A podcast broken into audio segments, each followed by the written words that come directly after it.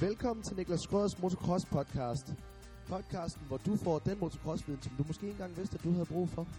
Vi snakker om løst og fast omkring motocross, både i indlandet og i udlandet. Og vi giver dig noget af den viden bagom, som vi måske ikke alle får fat i. Vi vil i hvert fald gerne byde dig velkommen. Læn dig tilbage og nyd showet. Velkommen tilbage her til tredje afdeling af Niklas Skrøders Crosspod podcast show. Nu har jeg sådan ligesom fundet et øh, navn til det, i hvert fald et, et midlertidigt navn, indtil jeg måske kommer på et eller andet bedre.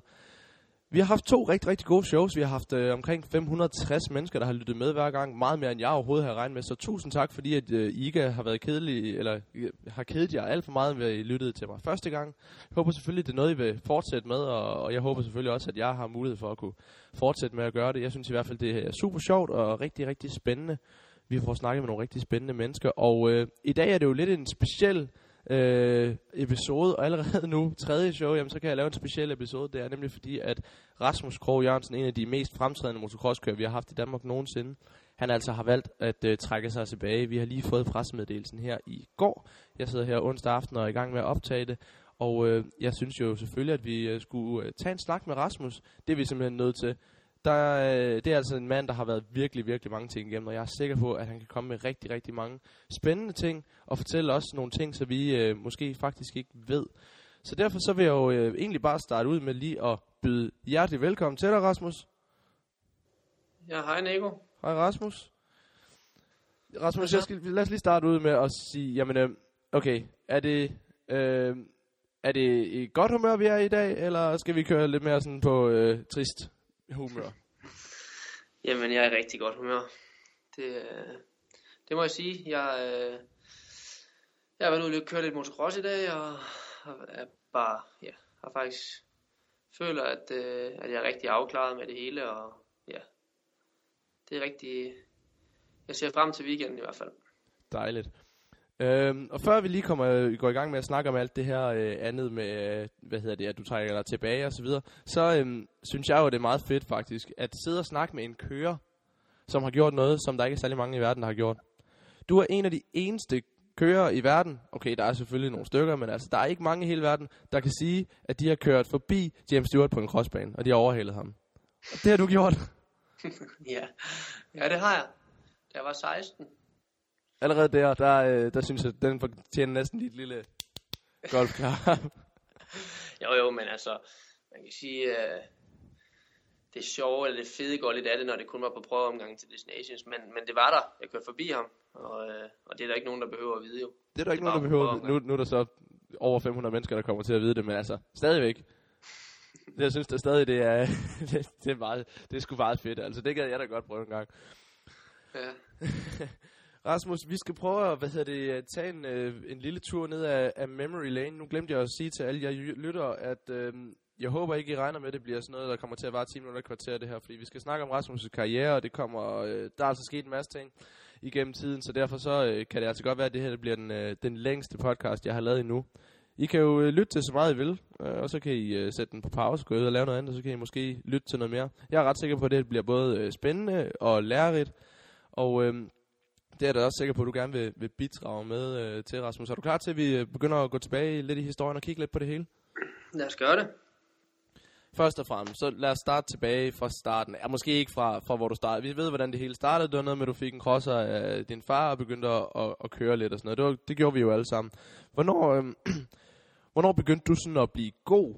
Lad os starte der i stedet for, fordi det er måske alt, det er der, det, det er mest spændende. Det er der, du adskiller dig fra. Hvornår begyndte du at blive sådan god til at køre cross?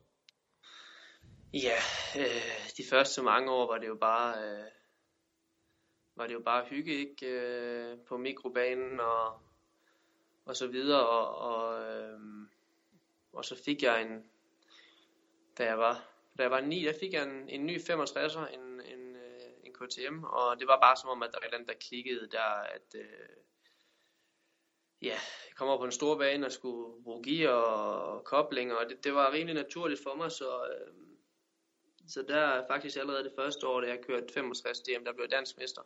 Har aldrig rigtig gjort noget øh, på mikrobanen. Øh, jeg tror, jeg blev træer i, i A50, altså var, var på ingen måde øh, særlig god, øh, men, men der er den der klikke, der kom over på, på den store bane og fik gear og kobling, og, øh, og så blev dansk mester som 9 år der, faktisk den, den yngste nogensinde til at vinde DM i, i 65, mm. stadigvæk, og, og så derfra tror jeg en eller anden sted bare, at, øh, at, øh, at det gik stærkt, ikke? så fik jeg lidt hjælp fra Kai MC og Kasper Jensen og, og Kai Jensen, hans far, og, øh, på 85'eren.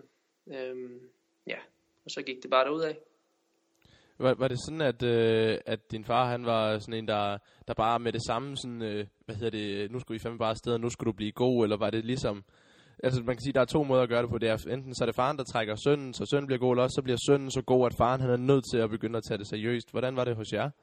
Ja, det var nok det sidste, at, øh, at øh, altså, som, som sagt, så var det bare hygge, ikke? Vi hyggede os med det, og vi havde, øh, der var en flok venner, min fars øh, venner, som også havde et par drenge på min alder, og så kørte vi ud til løbende og hyggede os, og, og så var det i mikroårene, og, og også det første år på 65, og så, øh, så er det jo klart, at, at når man, da jeg vandt DM der, så øh, mere vil have mere, ikke? og jeg begyndte at tage det lidt mere seriøst, og kom ned til Kai og lærte lidt om, om, om træning, og de begyndte at lære mig lidt om, om, om disciplinen ved at træne og forberede mig på, at jeg skulle til at træne, og, og så kom det hele stille og roligt, så, så helt sikkert det sidste, hvor, at, hvor jeg måske blev dygtigere, og så begyndte min far at tage det mere seriøst, og øh, ja, og så, øh, så gik det bare derudad. af. Og så havde I jo nogle gode år, øh, hvor, du, øh, hvor du fik nogle danske mesterskaber i, i hvad hedder det, miniklasserne og sådan. Øh, men øh, det begyndte jo først at blive sjovt, når man sådan begynder at rykke til udlandet. Øh, hvornår, hvornår, kom du for, eller hvornår var dit første løb, at du kørte i udlandet? Hvornår begyndte I at, I at snuse til det? Øhm, det gjorde jeg, da jeg var, jeg vil skyde på, at jeg var 11. Øh, øh, da jeg kørte øh, Adak første gang, ikke? Øh, i Bilstein, kan jeg huske. Øh, og der var sindssygt mange kører. Jeg tror, vi var 150-85 kører til den afdeling. Hold da kæft. Øhm, og det var kun de 40 af dem, der gik videre til A-finalen. Og jeg var meget beskeden, kan jeg huske. Jeg var ikke så gammel, og, øh, hvad det hedder, og Nikolaj Larsen, øh, som var min store forbillede, han var lige et par år ældre og kørte sindssygt stærkt. Jeg husker, han kørte for Suzuki Boomtown på det tidspunkt. Ikke? Ja, uh, hvem glemmer det? Hvad siger du? Jeg siger, hvem glemmer Boomtown Suzuki? Ja, ja. øhm, og det var jo en, jeg så op til, fordi han var jo meget hurtigere end mig, og han var den bedste, man havde herhjemme på 85, ikke? så det var jo, han var dernede og, og, og gjorde det godt på det tidspunkt, ikke? så jeg tror, øh, jeg var meget overrasket over, at jeg kvalede til, til A-finalen, og der var så mange, og de var så dygtige, ikke? Så, så det var en god første, øh, første gang i udlandet sammen med de store drenge, øh, da jeg var rigtig ung, ikke? og øh, kvalede finalen, og jeg kan ikke huske, hvad det var, jeg blev med. Jeg tror faktisk, at jeg, at jeg fik point dernede. Øh, Øh, så det var, øh, det var, det var til Adak øh, Junior Cup, min, min, før, min debut i, på international plan, kan man sige. Ja. Og hvad skete der så sådan op til øh, altså de næste par år her? Hvordan, øh, hvis du kan prøve sådan at, og kort at beskrive dem op til, da du begyndte at få, kan man sige, gode kontrakter og, og så videre, fra, fra du startede som 11-årig og så op til, lad os sige, du blev bare, lad os sige, 14 eller sådan noget, før du kom på, på en af de rigtig hårde teams? Ja, øh, jamen det er faktisk lidt sjovt, fordi at den, så den anden afdeling, jeg kørte, da jeg var øh, 11 der, ikke, der, øh, der kvalede jeg faktisk igen. Jeg kan huske, det var mudder og sådan noget der, og kvalede faktisk igen. Øh, og det var sådan til slut på sæsonen, og så, og så året efter, øh, til det første adag, der, øh, der vandt jeg begge heat i A-finalen.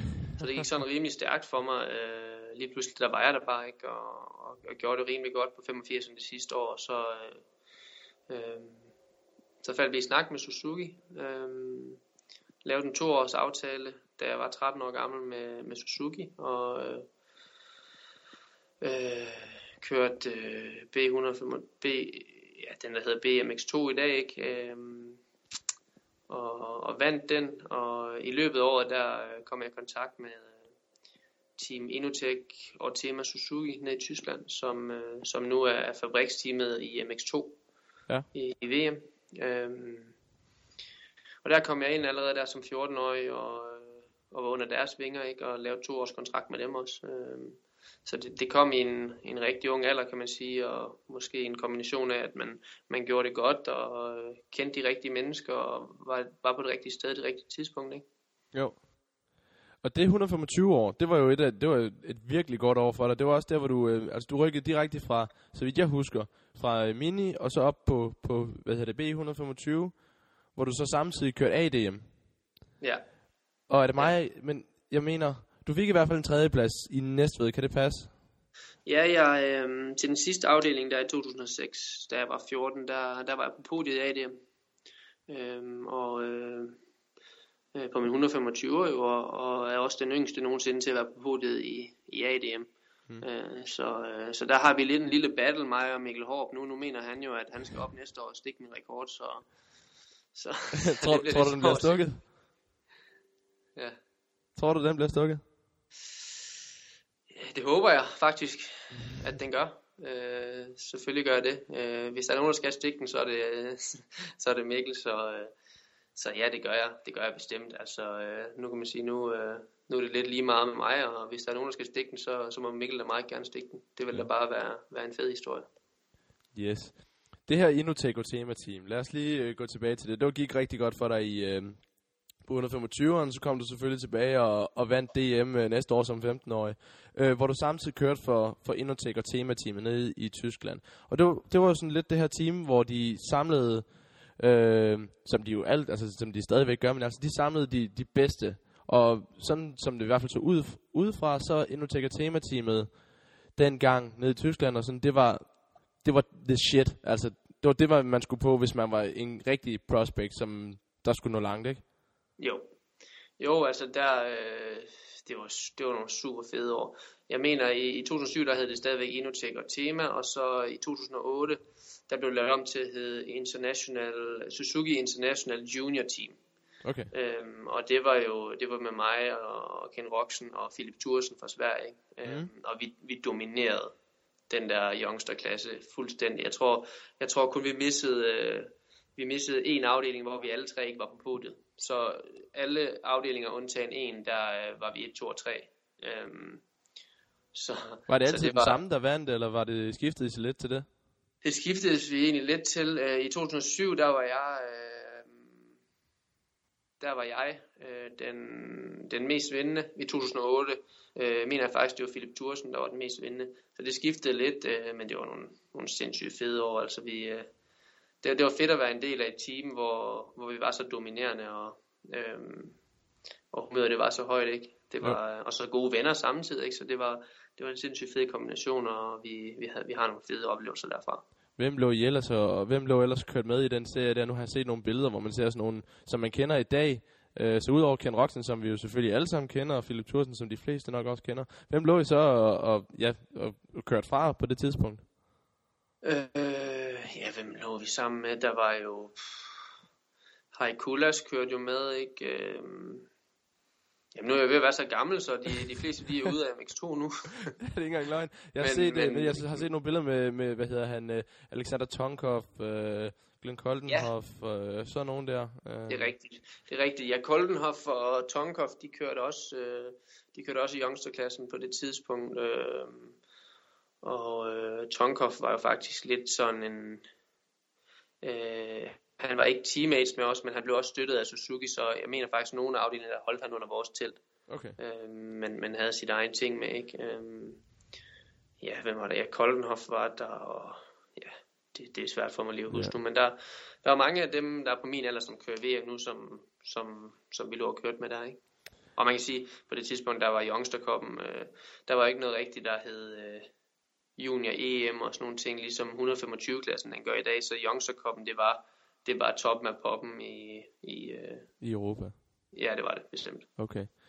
Øhm, og så det her, det var din, det var din rigtig gode år. Det var de her år, hvor du udviklede dig rigtig meget, og, og hvad hedder det, øhm, og kan man sige, øh, viste dig rigtig meget, øh, åbnede øjnene på folk her i, i de år 7, 8, 9.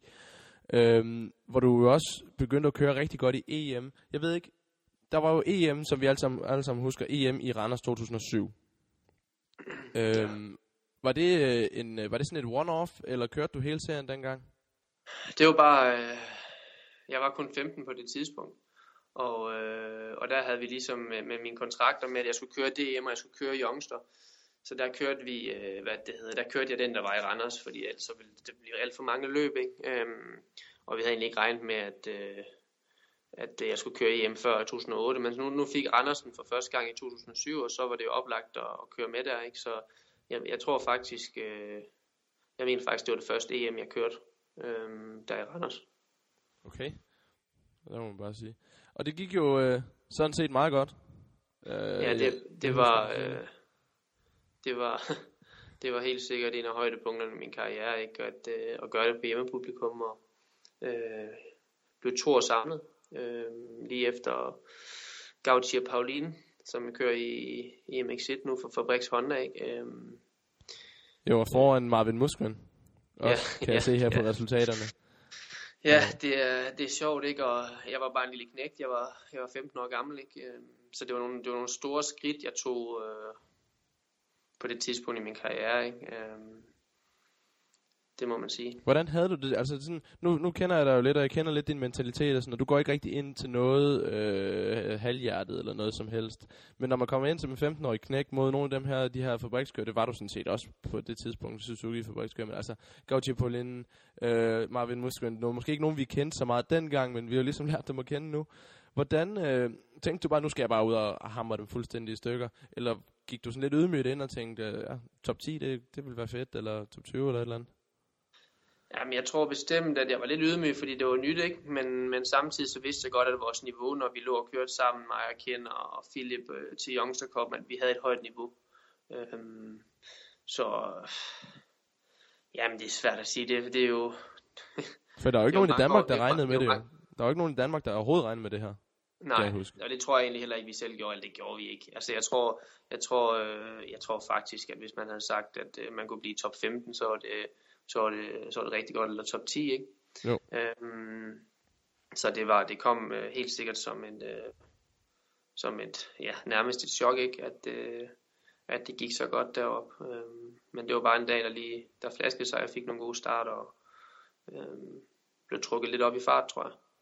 Og så efterfølgende, så det må have klikket noget op i dit hoved, sådan, det må have sagt sådan, okay, nu, nu, nu skal der virkelig ske noget. Nu kan jeg blive europamester næste år, og GP og sådan noget. Der må tankerne have, sådan, have fløjet rundt. Ja, bestemt, øh, bestemt, men øh, og, og det var da planen, at vi skulle køre hele EM i 2008. Øh, man startede ud med at brække hånden der i 2008 øh, og miste de, de første par EM'er, mener jeg. Og, øh, og 2008 var egentlig øh, et rimelig svært år for mig, øh, selvom det gik, det gik okay til, til de atter, jeg kørte og så videre. Øh, og det gik også okay i Randers øh, til EM'et, for for eksempel, øh, der lå jeg, jeg tror jeg lå træer, og, så, og så satte min motor sig. Ikke? Jo, øhm, det husker vi alle sammen det billede der, hvor du sidder på siden ja. af banen. Ja, men, men 2008, det var faktisk generelt et, øh, et svært år for mig, øh, hvor jeg ikke rigtig, jeg synes ikke rigtig, jeg peakede på, på noget tidspunkt. Øh, så, øh, så det, det er nok det år af de 3, 2007, 8 og 9, hvor jeg sige, at, at det, det var et svært år. Øh, det var det. Okay. Øhm, jeg ved, altså, så, så var der noget med på et tidspunkt, øh, at du ligesom besluttede dig for, at der skulle ske noget. Øh, der skulle ske noget anderledes. Det har altid været dig og din far, øh, med hjælp fra øh, Suzuki og så videre, der, der ligesom tog ud. Men jeg ved, du flyttede til Tyskland på et tidspunkt. Øh, nu ved jeg ikke, det var år, det var og sådan noget, men øh, hvordan, hvorfor, hvorfor lige pludselig det? Jamen, det var i 2000 og, det var 2009. Det var efter 2008-sæsonen, ikke? Øh, Jamen det er nogle gange svært. Øh, I 2009 der var jeg jo 17 år gammel ikke, og øh, har arbejdet tæt med min far øh, som mekaniker og træner og bedste ven i, i mange år. Ikke, og, og det er nogle gange et lidt et svært forhold, når, når man bliver lidt ældre. Øhm, så så øh, hvorfor, vi besluttede, hvorfor, at, at jeg skulle... Hvorfor er det sådan, øh, hvis vi lige kan tage fat hvorfor er det sådan et svært forhold? Det tror jeg, der er nogen, sådan, der er ikke helt øh, er med på. Jamen det er det, fordi at... Øh, fra en, en fars synsvinkel, så skal man både være, prøve at være den bedste far, men man skal også være hård ved sin knæk, fordi at øh, hvis man er både far og træner og, og mekaniker, ikke, at der er mange ting at se til. Mm. Øhm, og, og på et tidspunkt, når man bliver ældre, så får man, så får man sin egen holdning og, øh, og sådan nogle ting, ikke? og det kan godt nogle gange øh, være lidt svært, øh, tror jeg, for begge parter. Ikke? Øh, og specielt som, som søn øh, er det i hvert fald svært, at for mig var det i hvert fald svært at sige til min far, at jeg synes, han skulle tage et skridt tilbage. Øh, jeg synes, øh, men, men det endte jo med, at jeg gjorde det, fordi jeg følte, det var det, det, var det jeg havde brug for i min karriere, at, at han tog et skridt tilbage. Øh, jeg fik en fuldtidsmekaniker og øh, flyttede, øh, og så ville jeg gerne have min far have mig ud til løben som, som far, men ikke, ikke som ikke som mekaniker og ikke som træner, men bare, bare være der for mig, ikke? fordi han, øh, alt andet lige så kendte, var han jo den, der kendte mig bedst af alle, ikke? Og, og ham som, hvis jeg har haft et dårligt heat, så var det, så var det ham, man kunne snakke med. Ikke? Øh, mm. Så, så, så det, var, det var svært for mig at sige til ham, men det var også rigtig, rigtig svært for min far at, at, at sluge den. Øhm, blive, føle sig nok lidt til sidesat et eller andet sted. Ikke? Øhm, og det, og det, er også, det er jo også forståeligt, men, men det var i hvert fald det, jeg havde brug for, og, og det, det var helt sikkert også øh, noget, der, der gjorde mig som, der modnede mig ikke, at flytte hjemmefra i en alder af 17 år gammel, og, og gå all in på sporten. øh, øh, og faktisk leve som en professionel og, og prøve at se, hvad man kunne drive det til. På det tidspunkt var jeg også lige blevet færdig med, med skolen, ikke? så nu der kunne, jeg, der kunne jeg virkelig prøve at se, hvad, hvad jeg kunne drive det til. Ja, så du, så du gik ud af skolen, og så øh, selvfølgelig kørte du lige den her lille sæson færdig, og så besluttede du dig for, okay, jeg skal, øh, jeg skal til udlandet, jeg skal ned til Tyskland øh, og køre. Øh, hvordan, øh, hvordan var det her Tysklandseventyr? Øh, hvor, hvor, hvordan boede du? Hvordan var det hele sådan praktisk set, træning og, og alt det her? Øhm, jeg boede faktisk med en af mine, en af mine konkurrenter, en der hedder Lars Oldekamp, øh, som har en fantastisk familie øh, og, og stod med åbne arme, da, da jeg kom ned og, og vi snakkede om det. ikke og øh, Vi havde et godt forhold sammen, mig og Lars. Øh, bestemt ikke de samme træningsprogram og, og sådan nogle ting. Øh, men Øh, vi havde et godt forhold, og øh, jeg boede der. Vi boede tre timer fra Lommel og de ting der. Min mekaniker boede en halv time derfra. Øh, øh, workshoppen den var en, øh, et kvarter derfra. Ikke? Så det hele det var sådan rimelig godt samlet, og øh, vi havde mulighed for at køre med de allerbedste i, i Belgien, og, øh, og havde også mange muligheder rundt omkring, der vi boede. Det var lige, det var lige til grænsen til Holland, okay. hvor vi boede. Øh, og øh, ja, det hele, det, vi var til at starte med sæsonen, hvor man jo sydpå hele tiden, ikke? så det var faktisk først der til marts, at, øh, at jeg først slog mig ned der i, i, i Tyskland, øhm, og, og ligesom prøvede at komme ind i en rutine der. Okay. Hvordan, øh, hvordan hænger alt sådan noget sammen? Øh, var, du, var du nødt til at skulle ud og, og køre og tjene præmiepenge, eller havde du en eller anden sponsor, der kunne hjælpe dig lidt med det? Sådan, det må jo koste, en, nu ved jeg ikke, om du kørte gratis dengang, men altså, det må alt andet lige koste nogle penge øh, og, og flytte hjemmefra ned til Tyskland øh, helt alene. Ja, det gør det bestemt. Altså, øh, det, og også bare have en fuldtidsmekaniker, ikke? Man kan sige, øh, i 2009, der blev øh, det team, som jeg havde kørt for de sidste øh, to år, der blev det jo gjort, der blev det jo lavet til et fabriksteam. Ja. Så, og jeg skulle ikke køre VM, så vi stod ligesom øh, med det selv, ikke? og øh, øh, faktisk kørte ud til løbende selv. Jeg havde min mekaniker og fik lavet nogle rigtig gode motorcykler, og så hjalp Suzuki Tyskland mig, og, øh, eller Suzuki Europa, som ligger i Tyskland, og så, og så øh, C. Reinhardt øh, Suzuki Danmark. Ikke? Hjalp mig, så fik vi det, så fik vi det på plads. Øh, Øh, og, øh, og jo, jeg havde, jeg havde da nogle, nogle bonus og sådan noget, men, men, men det, den største indkomst, den kom fra, fra sponsorer og sådan noget, som kunne få det til at, til at hænge sammen, ikke? Og så selvfølgelig også, øh, selvfølgelig også min, min far og min mor, ikke? De, de arbejdede hårdt begge to, og, øh, og smed selvfølgelig også penge i, for, for at jeg kunne ud, øh, udleve min drømme. Ja, fordi det var vel egentlig sådan hele, det, var, det, er, jo et, det er, er det jo altid med cross et familieprojekt. Og selvom at du flyttede derned, så kunne jeg forestille mig, at de stadigvæk havde drømmen lige så meget som dig, og ville, ville hjælpe dig mest muligt med det. Jo, bestemt. Altså på det tidspunkt, der er det er jo mange år, hvor, hvor der er gået rigtig, rigtig mange timer, og, og hvor der blev brugt rigtig, rigtig mange penge. Ikke? Så det er jo et projekt, der bliver arbejdet for, og, øhm, og, det, og de er jo lige så meget, eller de er i hvert fald rigtig meget involveret, ikke? Når, når de er mine forældre. Øh, og, og støtten, den har man jo i hvert fald brug for. Uden, øh, uden støtten fra ens forældre, der, der kan man jo glemme det, ikke? Så, øh, så jo, det var, øh, men det, det, det var i hvert fald hårdt for min mor, kan jeg huske. Hun, øh, hun tudede noget der, dengang jeg, dengang jeg tog afsted. ja, så hun var vel glad, dengang du så øh, endelig kom hjem igen, kunne jeg næsten forestille mig. Ja, bestemt. Bestemt. Det er godt. Rasmus, jeg hvad hedder det, skal lige øh, hurtigt have øh, fat i noget her, øh, så hvis du bare lige hænger på lige et øjeblik. Nå, men Rasmus, jeg har jo sådan en, øh, hvad hedder det, lige her, ved, øh, når vi har siddet og snakket øh, næsten en halv times tid, så øh, kom jeg lige på noget øh, sjovt, fordi nu er det jo sådan, øh, vi skal hygge os lidt, og det er sådan, øh, en, ligesom sådan en øh, afskedsfest på en, på en lidt sjov måde, og så når vi kigger tilbage, så kan vi jo ikke kun få alle de her politiske korrekte ting, og hvad hvad der nu er gået godt, og sige de rigtige ting og sådan noget. Der skal sgu også være lidt space. Så jeg tænkte, vi skal have fat i en, som kan snakke lidt om dig, og fortælle os nogle sjove ting. Øh, og så kan du jo selvfølgelig også snakke med. Så Ja. en, en af dine rigtig gode gamle venner, Stefan Kjær Olsen. Goddag, Nikolas. God- Og Rasmus. Hej Stefan. Hej, hej. Hov. Så hvad, øh, hvad øh, hov, der havde jeg lige min computer, der lige sagde noget andet. Sådan der. Så kører det. Hvad hedder det, øh, Stefan? Jeg ringer jo til dig, fordi at, øh, jeg ved, at øh, du, dig og Rasmus har været venner, siden I var, hvor gamle? 9, 10 år? Sådan noget i den stil? I Stefan? hvert fald siden vi var meget, meget små, siden vi kørte på, på Jammer hernede fra Kajs MC. Uh. Lige siden derfra, der har vi været, været rigtig gode kammerater og haft uh, mange gode ture sammen sydpå og også herhjemme. Og det var dengang, du var overvægtig, har jeg set på nogle billeder. Det var dengang, jeg var overvægtig, og jeg havde grydehår, så det var rigtig fedt. Det er helt genialt. øhm, og jeg tænkte, der kan ikke være nogen bedre nu, hvor I har været så meget afsted sammen til øh, at fortælle os lidt om, om, hvem Rasmus er, når han ikke øh, har en mikrofon og en masse mennesker, der lytter til ham. Øh, så øh, jeg ved, at du har sådan lidt forskellige historier. Vi, vi skal ikke have den slemmeste endnu, men kan du huske et eller andet, Stefansen, hvor I to har, det ved jeg ikke, grinet sammen, lavet et eller andet gøjl sammen, hvor I har været afsted? Jeg har i hvert fald engang set en video med nogle, hvad var det, nogle får eller sådan noget. Ja, men øh, der er jo mange gode historier imellem, og det, det, det, var, det var sat, men næsten svært at huske alle sammen, men der er der nogen, nogen der skiller sig ud, og ja, specielt den der med foran, den kan jeg i hvert fald godt huske. Det var nede i, jeg kan ikke helt huske, om det var i Frankrig eller i Spanien, eller hvad det var. Men vi var i hvert fald, når vi var på tur der var Rasmus, så var vi altid, vi ville gerne ud og opleve noget, og, og vi havde cykler med, så, så vi cyklede lidt rundt og hyggede os og sådan noget.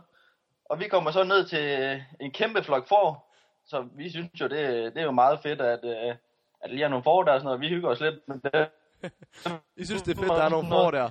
Inden, inden, ja, ja, så skal jeg lige en lille smule. Indtil da, at øh, vi så får øje på en kæmpe stor hund. Jeg tror faktisk, der var to, som så passede på det der får. og, og de kommer så stille og roligt tættere på mig og Rasmus, og vi, vi står, nej, det sker nok ikke noget. Ind, indtil det er, at de begynder at, at gø og løbe efter os. så, så, så jeg var den eneste, der havde cyklen på det tidspunkt, så jeg skyndte mig og, og spurgte væk alt det, jeg overhovedet kunne, mens det var, at... Øh, Hvad så med Rasmus? Ras- Mens det var Rasmus, han råbte efter mig, at jeg skulle, jeg skulle finde, så... Kan du huske det, Rasmus?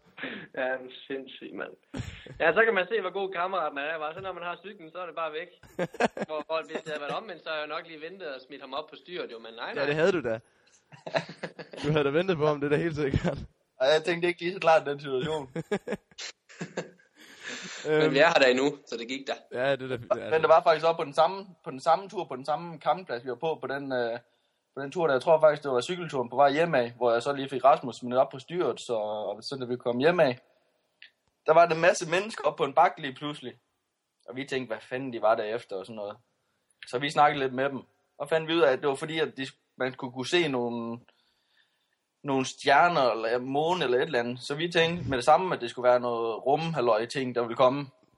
Så mig og Rasmus, vi gik ned i, i bilen, så fandt vi nogle, nogle madrasser, og så et lagen, og så viklede vi de der madrasser der rundt om os, og så et lagen ud over os, og crossstøvler og crosshjelm på, og så op og lege immunium, eller månemand og sådan nogen for, for tilskuerne op.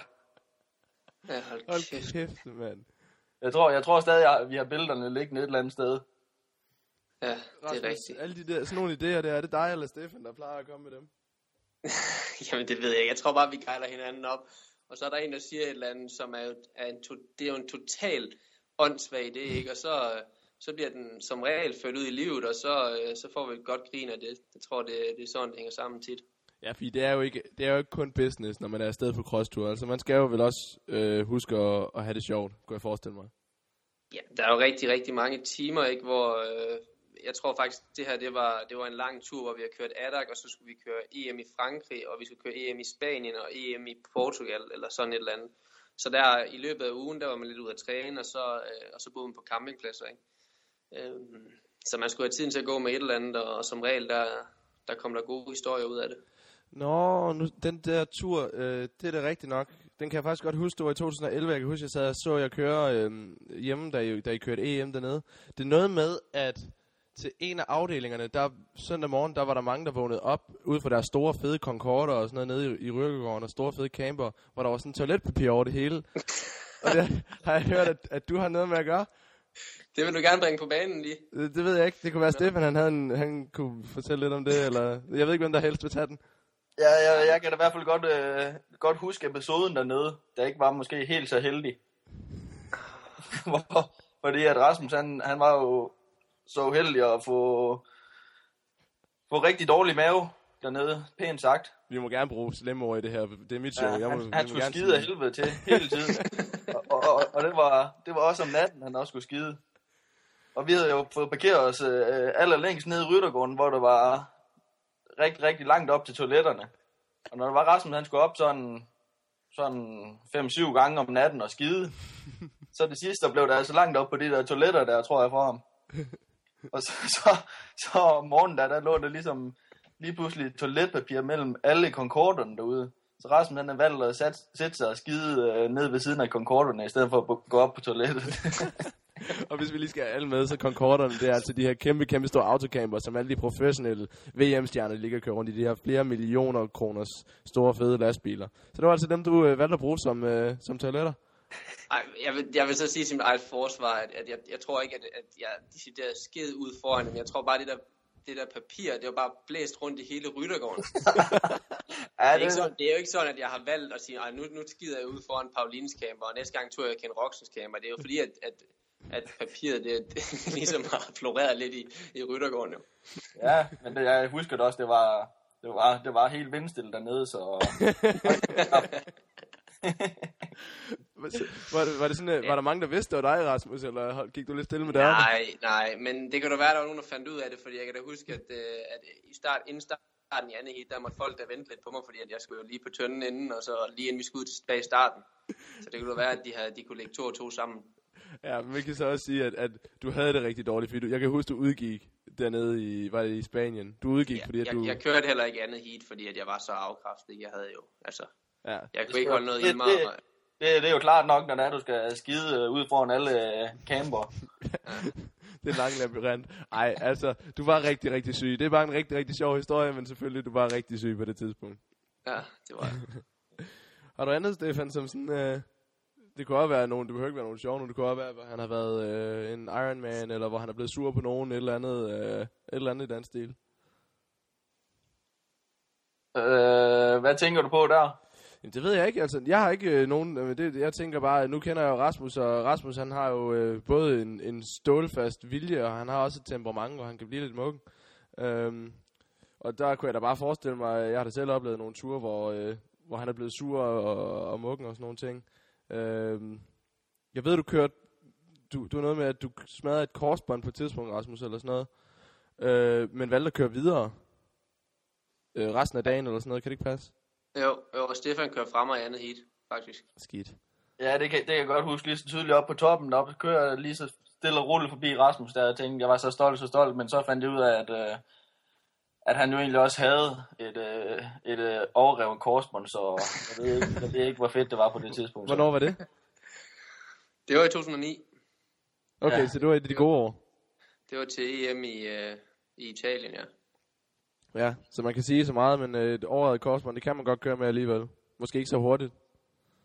Nej, det var måske... Øh, det var måske voldsomt at rive det over, eller ødelægge det i første heat, ikke? og så, og så stille op i andet heat. Øhm, men, øh, men på det tidspunkt vidste jeg jo ikke, at det var revet over, jo. Det fandt vi først ud af bagefter. Du havde bare lidt ondt, eller hvad?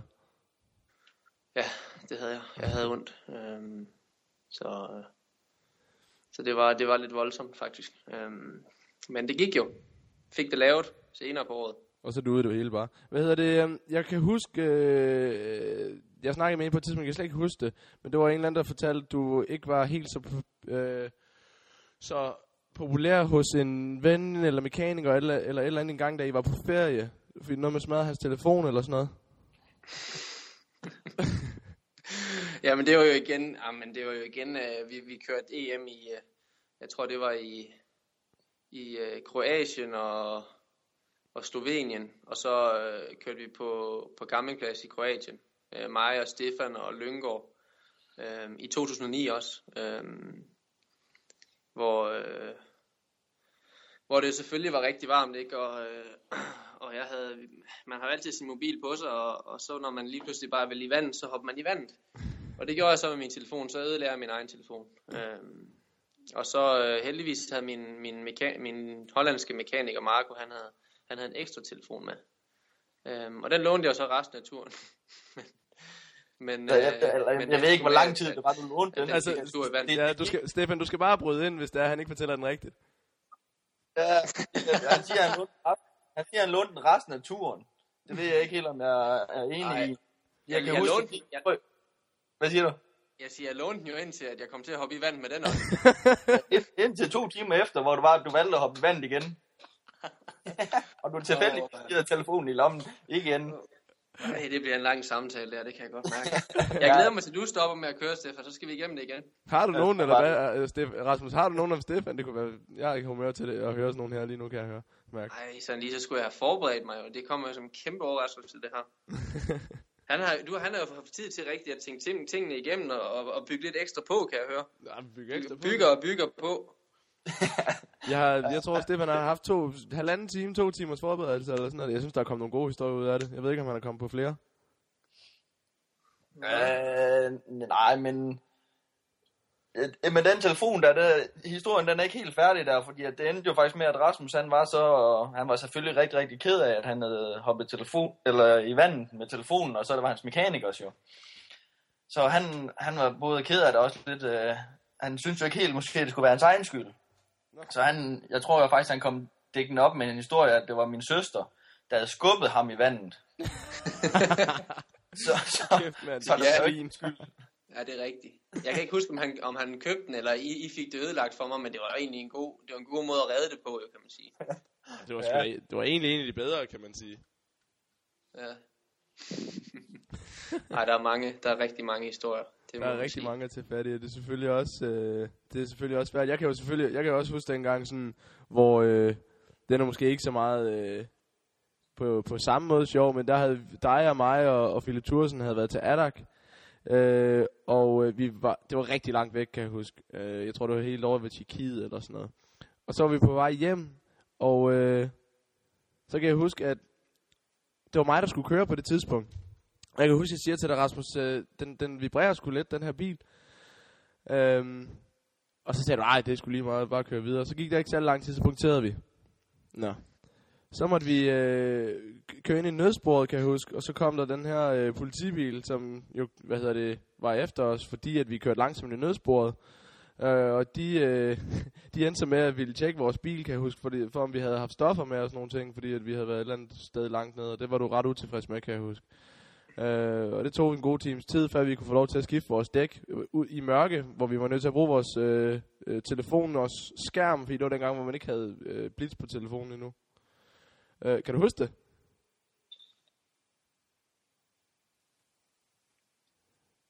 Ja, ja, det kan jeg godt. Ja, men man bliver lidt negativ, ikke, når man har kørt cross en hel weekend, der er godt smadret, og man vil egentlig gerne bare hjem, ikke? Øh, og så er ikke nok med, at man punkterer, men så, så øh, de, de, de politibetjente, der kommer, de vil, øh, altså skal vende hver en kasse i bilen, for at se, om man har, at man har stoffer med hjem. ikke? Altså det, det bliver man sgu negativ over. Og det var mørkt, mørkt, mørkt, Og, mørkt. Jeg øh, tror, at klokken var 12 der, eller sådan noget. Og så kørte der. vi jo, ja, vi var jo kommet i Danmark, og så begyndte reservehjulet også, og, og hvad det hedder, at gå mærkeligt, ikke? Og, Og det var mig, der kørte igen, og jeg kan huske, tror at du var sur på mig anden gang. Jeg sagde, at nu vibrerer den igen, Rasmus. Så du var, jeg kan huske, du var sur på mig der.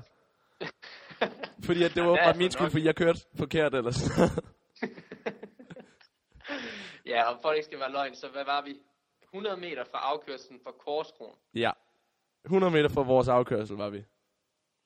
og der, der ville den ikke mere. Så der blev vi nødt til, og der var klokken jo 7 om morgenen. Ja, der var det blevet lyst igen, og jeg havde vel og mærke kørt 80 km i timen ned fra grænsen af. Så det er gode to og en halv times kørsel.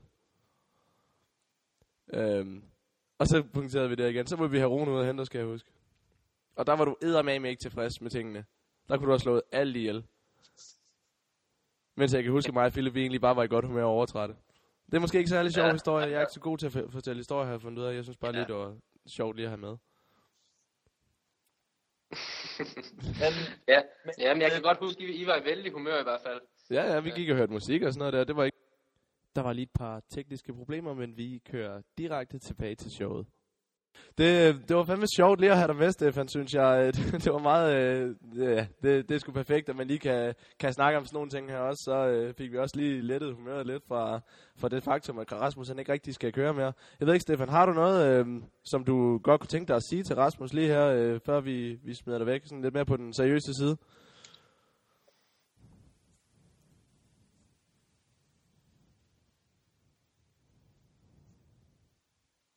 Nej, men altså, jeg- jeg snakker med Rasmus øh, stort set hver dag. Jeg bor sammen med ham lige nu, i et lille stykke tid nu. Og, men jeg synes da bare helt sikkert, at øh, du skal nyde øh, de sidste løb over, og, og ja, du ved jo, hvordan det skal gøre sådan noget, så det skal nok komme til at gå det godt derovre. Og, og ja, bare nyde det, og det ved jeg, du vil gøre. Ja, der er ikke andet for. Nej. Vi skal hygge os. Og det er jeg helt sikker på, at vi kommer til at gøre. Stefan, tusind tak, fordi at du, du lige gad at øh, tage noget af din aften øh, med her, for, for lige at, at være med til det, og så må du hellere snart komme i seng, så du kan komme op og øh, banke nogle søm i i morgen. Jeg skal op og passe arbejde i morgen. det er godt. Tak for det, Stefan. Ja, selv tak. Hej. Hej. Hej. Hvad så, Rasmus? Var det lige nogle sandheder, der kom på bordet der, eller hvad? Ja, ja, men det var det jo, men det, man vidste jo godt. Lige præcis. Rasmus, lad os prøve at komme videre. Sådan, øh, øh, det var sådan lige en lille pauseklovn, vi havde her. Øh, lad os komme videre til sådan din karriere, og hvordan det er gået. Øh, jeg ved, at du havde været i Tyskland og sådan nogle ting der også. Nu ved jeg ikke, om vi øh, blander tingene lidt sammen, men jeg ved også, at du på et tidspunkt var i USA og træne, fordi det var ligesom målet på et tidspunkt, ikke? Det var at skulle til USA og Supercross og det hele og, og sådan nogle ting, når du måske havde kørt nogle GP'er. Så du kørte over og trænede i USA øh, på et tidspunkt. Jeg ved, du havde en ret fed tur derovre. Ja, bestemt. Øh, det var jo øh, hele januar-februar måned op til 2008-sæsonen.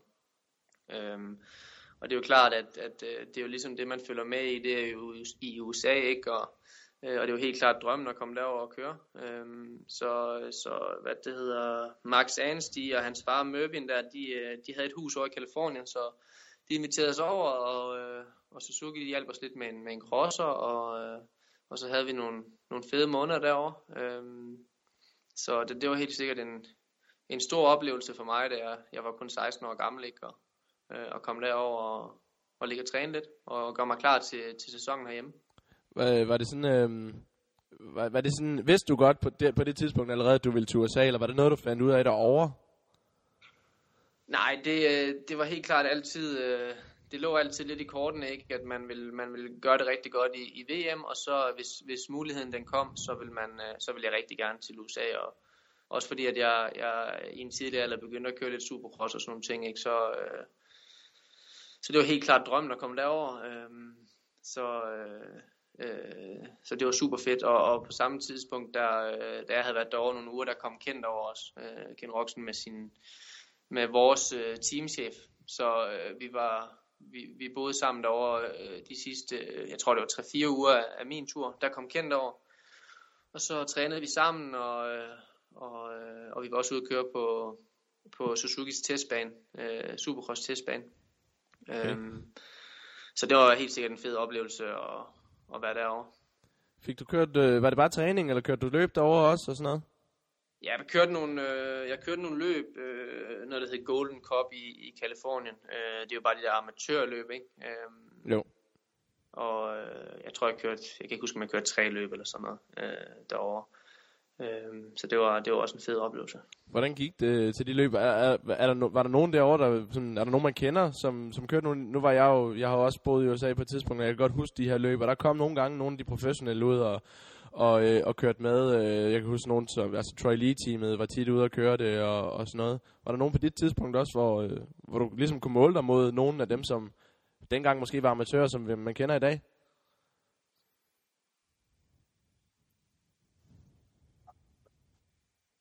Ja, det var der. Øh, Dean Wilson øh, kan jeg huske tydeligt, fordi at, øh, at han kørte med 128 også, øh, og vi kørte i samme klasse, og han kørte... Øh, han kørte med, øh, at vi kørte med det samme nummer. Det kan man godt derovre. Det er jo bare øh, over transpondersystemet. Ikke? Så, øh, så der, der er lidt ligeglad med. Der kommer man egentlig bare og skriver sig på en seddel der om morgenen, og så, ja. og så kører man. Øh, så ham kan jeg i hvert fald huske, fordi vi, vi, er, vi er jævnaldrende, og, og, og vi snakkede lidt sammen derovre også, øh, fordi vi kørte mod hinanden. Øhm, så det var, øh, det var sindssygt fedt. Øh, øh, på to af gangene, der, øh, der, øh, der vandt Dean Wilson over mig, og så et, et løb på Glen Helen, der, der kørte jeg fra ham. Og det tror jeg, det er lidt at gøre med, at Glen Helen er måske lidt mere europæisk anlagt, hvor de andre baner, det var som små, hurtige jævnbaner, som, som de har mange derovre, som, som de kører rigtig stærkt på. Ikke? Jo. Okay, men så fik du alligevel målt dig lidt øh, sådan allerede på det tidspunkt. Og du nævnte lige hurtigt, at du kørte også supercross. Det er jo sådan, når vi ser her i Danmark, så nogle af de drenge, der tager ned og kører sådan noget, øh, hvordan at det nogenlunde går for dem. Men du kørte også rigtig tidligt supercross øh, ned i Tyskland. Også for, for temateamet, ikke også? Jo, øh, jeg kørte øh, i 2006, der kørte jeg faktisk mit første, som, som jeg var lige blevet 15. Der kørte jeg min første supercross i, i Tyskland, og øh, og var på podiet den første aften øh, til min første supercross i øh, SX2-klassen som 15-årig. Så det var, øh, det var en sindssygt fed oplevelse, og det var faktisk det, det eneste år, jeg gjorde det, da jeg så tog til USA året efter. Ikke? Jo. Øhm, og så, øh, hvad det hedder, ja, så kom jeg, kom jeg til skade, og så, og så har jeg kørt nogle supercrosser siden. Ja, okay. øh, her i, i, jeg kan ikke huske, om det var 12, 11 og, og sådan nogle ting. Ja. Øhm, Lad os prøve at, at gå lidt videre. Nu er vi sådan øh, øh, efterhånden kommet til år 2009. Øh, dit øh, rigtig gennembrudsår. Det er det år, øh, alle husker, og folk de husker det jo for, for Lommel. Øh, men øh, lad os lige prøve at tage den fra starten af året. Sådan, øh, for jeg ved, du gjorde det rigtig godt det år. Ja, øh, 2009, det var, det var helt klart, og jeg tror, det er en kombination af, at, at jeg flyttede derned og fik min egen mekaniker, og fik styr på, på min træning og, og sådan nogle ting. Ikke? At det var helt sikkert det år, hvor jeg rykkede mig aller, aller mest fartmæssigt. Øh, men 2009, det var også et rigtig svært år, hvor jeg havde mange skader. Øh, jeg var rigtig klar til sæsonen, ikke? Og, øh, og vi kørte det første øh, store løb i, i starten af sæsonen, hvor jeg var, jeg tror næsten, jeg var to sekunder hurtigere nummer to i kvalden, og, og førte første heat. Øh, og, og lagde den ned stille og roligt i sving, og så slog jeg skuldrene led. Øhm, øh, og, og blev opereret i skulderen og var ude i tre måneder. Øh, så kom jeg så tilbage og missede selvfølgelig de første par EM'er, hvilket jeg var helt knust over, fordi jeg var virkelig klar til den sæson og klar til at, til at kæmpe for, for at vinde EM. Ikke? Øhm, kom tilbage i, i, øh, i Svendborg til DM øh, og vandt den afdeling. Og så, og så så, så tog jeg tilbage til Tyskland og boede dernede og kørte ud til, til EM'erne med min mekaniker og havde nogle gode løb øh, nogle gange på podiet. Men det var sådan rimelig svært for mig at, at, at komme tilbage. Ikke? Øh, var hele tiden hurtig i kvalen og sådan noget der, men det var svært sådan lige bare lige at hoppe ind i, ind i en EM-serie, hvor de andre de havde haft mange, mange løb sammen. Ikke? Øhm, og så begyndte det at gå rigtig, rigtig godt til, øh, til Masters i, jeg kørte jo i, i Masters-klassen til Adak på 2,5 i Tensfeldt, hvor, øh, hvor jeg, jeg tror faktisk, jeg blev femmer i første heat, og, og væltede i starten med Kasper Jensen faktisk i andet heat, og kørte mig op som 6-7 stykker. Og det var så der, at jeg fik tilbud om at køre i, i Lommel weekenden efter, øhm, og fik den mulighed. Og det er jo helt sindssygt, hvis vi lige tager fat i bare lige i det der med Tensfeldt. Altså hvis der er nogen, der kender Adak Masters-klassen, så er det jo, altså, virke, altså det er jo nærmest ligesom VM-klassen, så du kørte mod 4,5, og så gør det det bare endnu mere vildt. Jeg kunne forestille mig, at det har været dengang med sådan nogen som Steve Ramon, og, og vel også nogen som Stribers og sådan noget, der kørte den. Ja, Ja, specielt ned i tennisfelt, fordi at uh, weekenden efter, der var VM i Lommel, så det var god træning til det, ikke? Jo. Øh, så der var sindssygt mange gode, Øh, og ja, der var sindssygt mange gode nede i, øh, nede i, i tennisfelt, fordi at, at, at der var VM i, i Lommel weekend efter, det var god træning, og, øh, og blev så ringet op efter, efter løbet om søndagen øh, mandag morgen af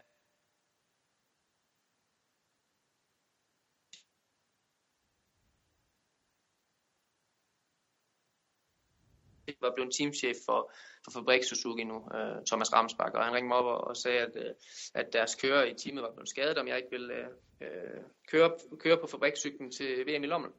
og, og det skulle man jo ikke tænke meget over, selvfølgelig, øh, selvfølgelig siger man ja til det, ikke? Og, øh, og med det samme der, øh, følte jeg bare, at nu er det min chance. Øh, selvom jeg kørte EM, så følte jeg, at helt ærligt følte jeg, at det var i VM, jeg hørte til. Øh, og, og, og jeg tror ligesom, det var det, der gjorde, at, at jeg bare kunne, kunne komme ind i VM-scenen, og så bare være der med det samme. Ikke? Øh, øh, var ikke øh, på nogen måde skræmt over de andre kører, selvom at det var det, man så i fjernsyn og sådan noget der. Øh, og, og det synes jeg lige så også, at, at det viste lidt i starterne, ikke? at jeg tog, jeg tog to ud af tre i starterne en weekend. Og, øh, og jeg følte mig bare hjemme i VM-scenen et eller andet sted. Jeg følte nu, øh, nu har jeg motorcyklen til at være med,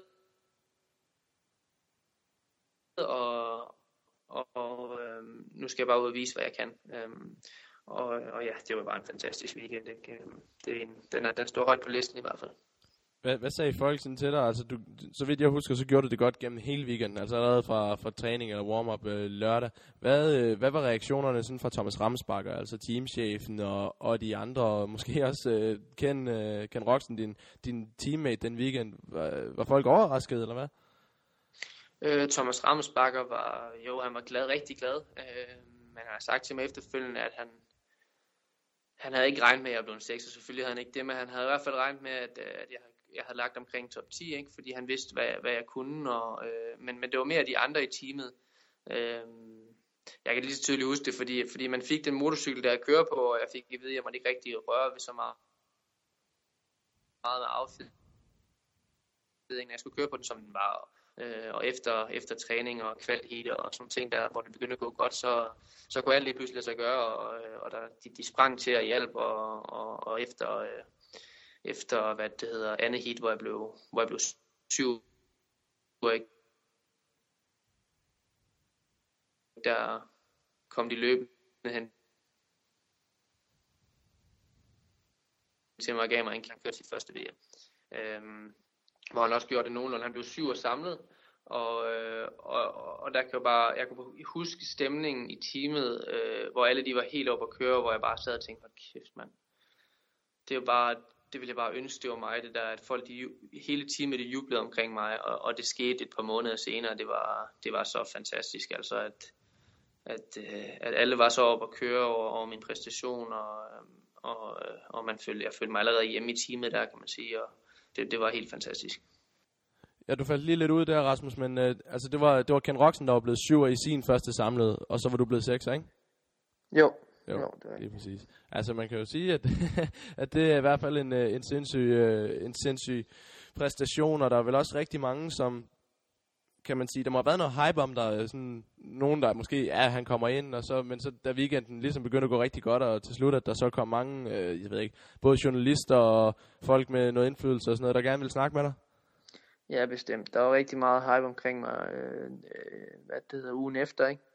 Øhm, også nogle teams, der henvendte sig og, øh, og sådan ting. Men, men jeg tror også godt, folk de vidste, at niveauet øh, var højt i, i EM. Ikke? Vi var jo øh, Christophe Charlier og Herlings og, og mig og, og Kulas. Vi var sådan også fire, der, der gjorde det rigtig godt der. Så, øh, og, og, og jeg tror ikke, at der var nogen, der var i tvivl om, at, at, at niveauet det var højt. Øh, og, øh, og kan lige tydeligt huske, da jeg kom til en EM-afdeling øh, weekenden efter, at jeg snakkede øh, med Herlings om det, at, at, at han havde egentlig regnet med, at, at jeg ville gøre det godt også, øh, fordi at, at niveauet det var højt, der hvor vi lå og kørte EM og sådan nogle ting.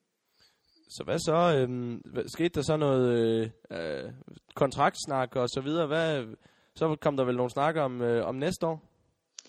Ja, selvfølgelig gjorde der det. Øh, de sagde, at de ville... Øh, Suzuki der sagde, at de ville høre fra os øh, eller vi vil høre fra dem øh, i løbet af nok kort tid. Og det gjorde man også, og hvad, det gjorde vi også, og vi, vi snakkede, vi snakkede også med andre teams og, og så videre, og så videre. Og bare kigge på alle muligheder, der var, ikke? fordi der var ingen tvivl om, at, at det var der, jeg, jeg følte, jeg hørte hjemme, og det var der, det, jeg ville gøre i 2010. Ikke? Øhm, så der var ikke, øh, der var ikke noget helt på plads øh, dengang, at, øh, at jeg var i det, at jeg blev kønnet i trafikken, men, men det var meget tæt på, ikke? Og øh, øh, ja, det er super ærgerligt. Ja, det ville være sket, kan man sige. Altså, du ville have haft en kontrakt, en VM-kontrakt til næste år, havde det ikke sket, så vidt jeg forstår. Ja, ja, ja, bestemt, bestemt, uden tvivl, ja. ja. ja. Og så skete der jo det, som øh, alle ved, og som øh, jo ikke øh, er noget, der er, er skide sjovt at, at snakke om og sådan noget der, men, øh, men ja, du blev jo kørt ned. øh, i trafikken på vej til noget genoptræning. Øh, og så når... Ja, det var jo faktisk det, var faktisk det knæ, hvor, hvor jeg rev korsbånd over, ikke? hvor at, at uh, Suzuki de sagde, at uh, hvis jeg skulle på hold og sådan nogle ting der året efter, så, uh, så ville de have, at jeg var 100% fit for fight. Man kan godt, det var det bedste korsbånd, jeg over, ikke? Det kan man godt, det kan man godt leve med, og man kan godt køre med det nogle år, men det kan godt give nogle problemer. Um, og det var bare rimelig vigtigt for dem, at uh, jeg var 100% klar, så det valgte vi at få, få opereret, um, så jeg kunne blive klar til året efter. Ikke? Um, og det var der i, jeg var lige blevet 18 år gammel, da det skete, uh, jeg tror det var den 21. oktober. Um, og mig og Stefan, vi kørte til, til Esbjerg på, på scooter hver, uh, hver dag, inden vi, efter vi har spist. Um, og det var så der om aftenen, hvor det, hvor det skete. Yes. Og det var jo, det var jo, altså, det var ikke bare armen, det var jo et rimelig slemt uheld, ikke? Jo, det var det. Uh, det var det der. Uh, ham, ham knolden, der, der kørte, uh, kørte mig ned, han, han kom 70 km i timen, ikke? Uh, på en to, sådan en tosporet øh, cykelsti, hvor man også kørte på scooterne. Og der var sådan en skarpt S-sving, hvor, øh, hvor når han kom 70, så kunne han ikke holde sig inden for sin egen, øh, sin egen linje, vel, og så kørte han frontalt ind i, ind i skuldrene på mig der. Så, så det var et, øh, det var et stort, øh, rigtig stort uheld, ikke? Og, øh, øh, og heldig uheld, kan man sige, fordi der kunne have sket meget, meget, meget, meget værre ting. Ja, og så øh, kan man sige, så, så havde du jo øh, den her lammearm i, i hvad, en, i fire måneders tid, eller sådan noget, hvor du ikke kan bruge den. Altså, nu, jeg tror godt, folk øh, ved sådan nogenlunde øh, historien, men kan du sådan prøve hurtigt at tage os igennem hele forløbet, fra, fra du blev kørt ned, og så måske indtil du begynder at køre igen? Ja, øh, det første stykke tid, jeg lå på, på, på sygehuset en dag eller to, øh, hvor jeg lige fik nogle scanninger og sådan noget, for jeg kunne indsætte mærke. Jeg kunne bevæge fingrene en, en lille smule, ikke? og jeg kunne indsætte mærke, hverken når man rørte mig på armen eller, eller noget som helst, øh, og der var ingen funktion overhovedet der. Øh, og de mente, det var fordi, de kunne se på scanningerne, at jeg havde et, øh, en, en blodindsamling op, som trykkede på nerven, og de mente, det var det, og det ville gå væk i løbet af et par uger, og så ville det komme tilbage. Men jeg tror hele tiden, jeg havde en fornemmelse af, at der var noget mere, mere galt. Ikke? Øh, da, så, da vi så ventede de to uger, der, der stadig ikke skete, der, der prøvede vi simpelthen alt lige fra, jamen, vi prøvede alt med, vi var i Holland og nede ved de allerbedste i Europa og, øh, og snakke med dem også, om der var mulighed for operation, og, og, og, men, men, men hele tiden, når det er med nerver, så er det rigtig, rigtig svært, ikke? Der er ikke så meget at gøre. Mm. Øhm, og det eneste, man ligesom kunne gøre, øh, det var at, at få lavet sådan en, øh, sådan en, en nåletest, hvor man kan se, om der er, om musklerne de reagerer. Øh, og den fik jeg lavet to af, og første gang jeg fik den lavet, der var absolut ingen aktivitet i musklerne overhovedet. Øh, anden gang jeg fik den lavet, der var en lille bitte, bitte, bitte smule aktivitet. Og så snart der var en lille bitte smule fremgang, så vil man ikke og operere, fordi så kan, så kan kroppen øh, gøre det bedre selv en operation. Og også, også med en operation, det ville også være øh, 50-50, om det ville blive bedre eller værre. Så det valgte jeg også at, at sige nej til. Ja. Øhm, og så ja, så var det jo bare at vente og vente, ikke? Der var ikke så meget, man kunne gøre rigtigt. Det var selvfølgelig en rigtig hård tid, kunne ikke rigtig... Ja, jeg vidste ikke, hvad jeg skulle gøre mig selv. Jeg var rigtig ked af det, og det var hårdt for hele familien, ikke? Øh, det værste tænkelige tidspunkt i min karriere, at det skete på. Øhm, og, øh, og, og jeg kan ligesom huske, hvor, hvor filmen den knækkede, det var, da vi var over ved en specialist i Odense. Jeg kan tydeligt huske, at han tog sådan en gummihammer og slog mig på de der reflekssteder der på armen, sådan, der var bare absolut ingen, ingen aktivitet, eller han, øh, og det eneste, der var oppe i mit hoved, øh, det var jo bare, om jeg kunne komme til at køre igen, ikke? Men, men det sagde han jo bare, at det, øh, det skulle jeg forberede mig på, at jeg aldrig ville komme op på en motorcykel og sidde igen, eller op på en cross og sidde igen. Mm. Og det var, det var ligesom der, hvor filmen knækkede for mig, hvor at, at jeg var rigtig langt nede, og, og det var rigtig hårdt for hele familien at se mig så ked af det, ikke? og var sad på mit værelse hele dagen, og øh, det var bestemt ingen sjov tid.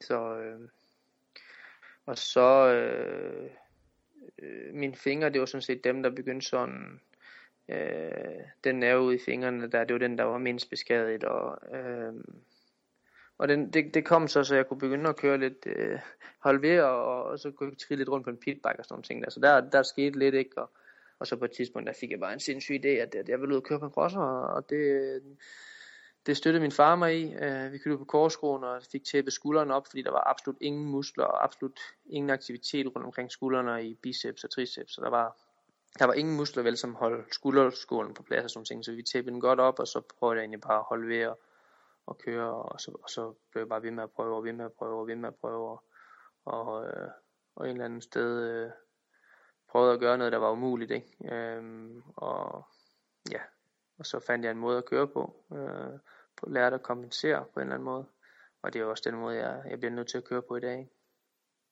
Jo, så altså, du kompenserer med, øh, kan man, altså, det som man kan se på billeder og sådan nogle ting, det er noget med, at din arm den bare er et, et slags ræb, eller et eller andet, der, der holder fast i styret, og så, så trækker du mere med skulderen og sådan nogle ting, øh, eller og ryggen og sådan noget. Er det ikke sådan noget? Jo, øh, eller jeg trækker med højre, ikke også? Øh, så jeg trækker hele tiden skævt, og det er jo også derfor, at, øh, at min krop den ikke kan klare mere nu, for jeg får så kæmpe en overbelastning i, i hele højre arm, skulder og, og ryg, fordi jeg trækker så skævt, når jeg kører i sand og sådan nogle ting. Øhm, og det, det, kan, det kan kroppen bare ikke holde til mere, vel? Øh, som du selv siger, så er det ligesom, at jeg, jeg sætter fingrene op på styret, holder ved, og så er det højre, der gør hele arbejdet, ikke? Øhm, og det er sgu ikke... Øh, det er sgu ikke nemt, og, og specielt ikke, når, når jeg er så sted, at jeg gerne vil være på det niveau her, så, øh, så er det hårdt for kroppen, og jeg skal nok lige træne lidt ekstra, fordi jeg bruger nok lidt flere kræfter, øh, når jeg kører på. Ikke? Så, så, så den her overbelastning, hvordan har den påvirket dig øh, igennem tiden, og så især i år, hvor jeg jo ved, at du, øh, du kører ikke i Randers på grund af den her overbelastning og sådan. Øh, har den påvirket dig mere i år, eller? Øhm, det startede helt fra, øh, det startede helt fra starten, da jeg begyndte at køre igen efter, efter øh, min ankler, det var blevet nogenlunde igen, ikke? Øhm, lærerne har jo hele tiden sagt, at det nok det vil komme på et tidspunkt, øhm, og, og det, det siger de jo også, fordi at også selvom jeg ikke kører cross, ikke, så, så overbelaster man højre, fordi at alt hvad jeg gør i hverdagen, det hele det bliver gjort med højre hånd og i højre arm, ikke? Så den vil være overbelastet. Jeg er også blevet opereret to gange i, i højre håndled, fordi at, øh, at den var for overbelastet, så, så der var kompetence i håndledet. Øhm, og, øh, og, og så her, her i starten af året, hvor jeg begyndte at træne rigtig meget til at... Jeg har hele tiden vidst, at det her det var mit sidste år.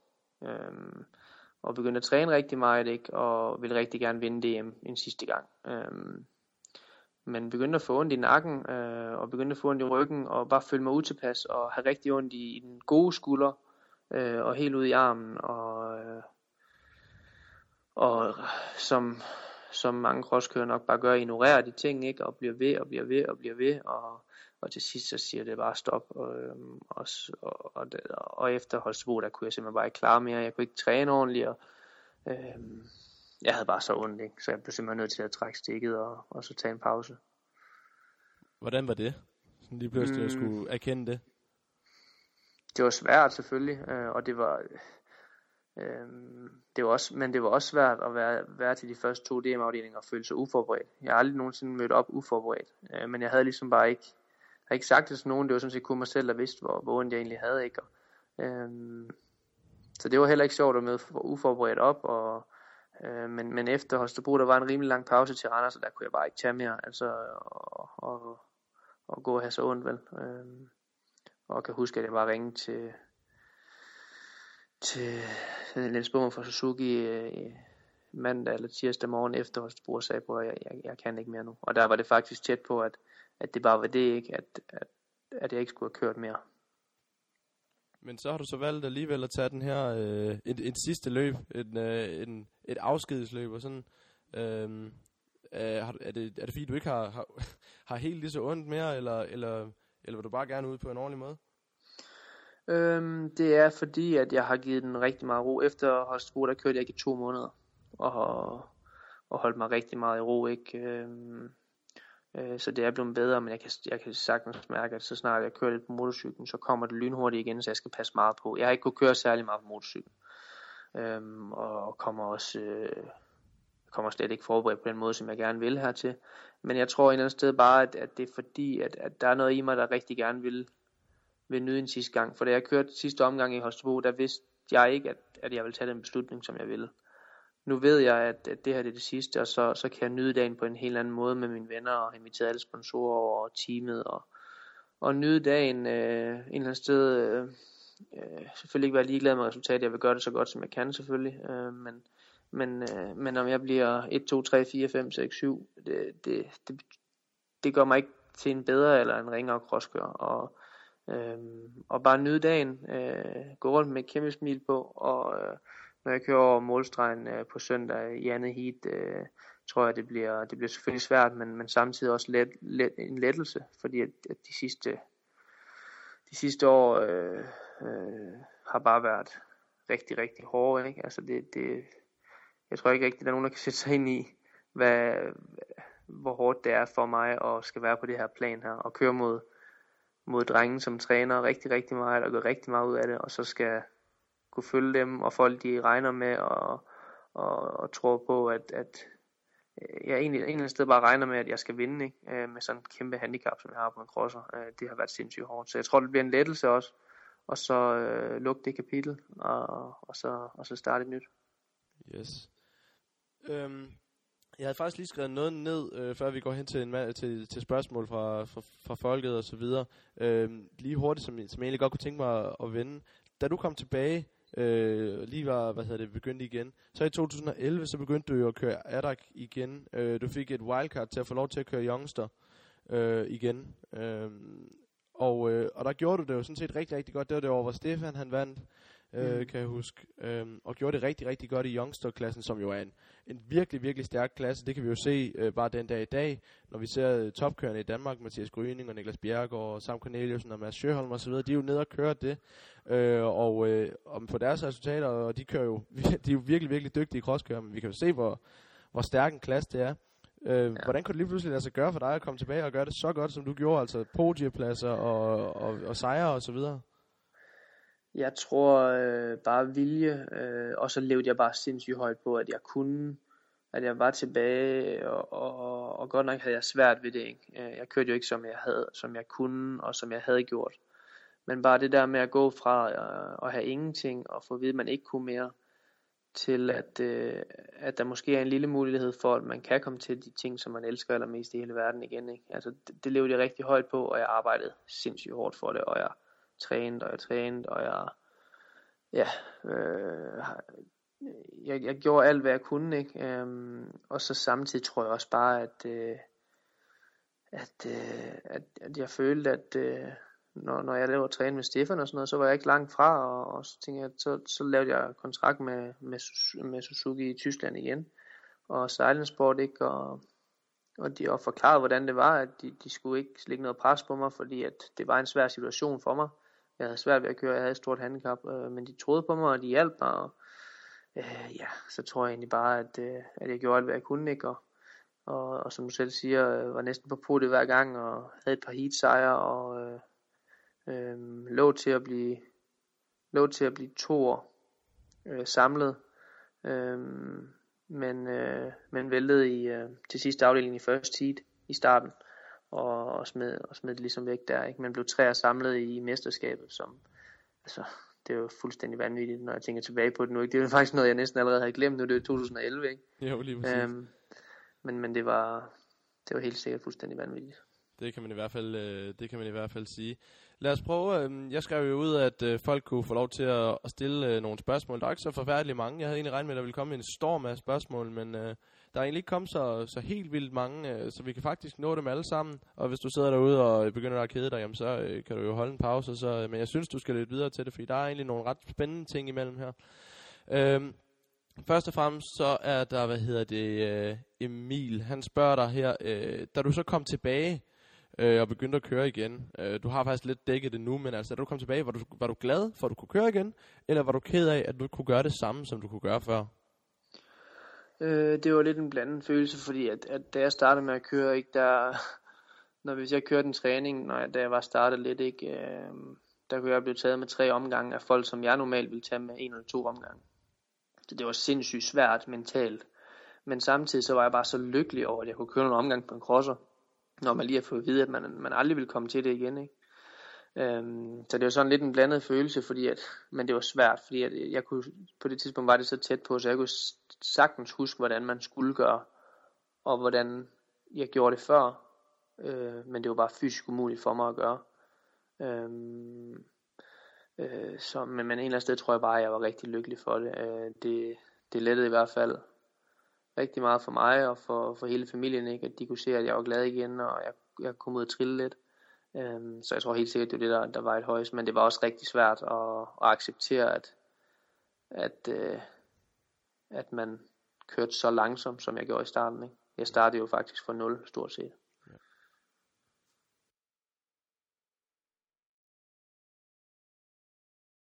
til at komme tilbage efter den modgang, du har været igennem. Øh, det kunne mange lære af. Når du skal tænke tilbage på din karriere, hvad er så det bedste råd, du kan give videre? Både øh, crossmæssigt og personligt. Hmm. Jamen, Det er et meget bredt spørgsmål, kan man sige. ja, så. ja, det er det. Det er det. Derfor jeg lige skal tænke lidt, men, men, men, men crossmæssigt øh, skal man mærke efter. Øh, øh, jeg tror, det er meget vigtigt at, at være ærlig over for sig selv, hvad for et, hvad for et niveau man er på, og hvor det er, man vil hen. Er man, øh, vil man gøre mere ud af det, eller vil man, vil man bare hygge sig med det og, bo, og have det som en hobby? Ikke? Øh, fordi jeg synes tit bare, man hører om, øh, jeg synes rigtig tit, man hører om folk, der bare øh, rigtig gerne vil, eller rigtig gerne, der snakker om, hvor meget de vil, men ikke rigtig gør noget øh, ved det. Og det, det, det er en eller anden sted, øh, synes jeg er lidt irriterende at høre på, fordi at, at hvis de vil så gerne vil det nogle gange, så, så, så gør noget ved det, ikke? Øh, tag løbeskoene på og sådan nogle ting.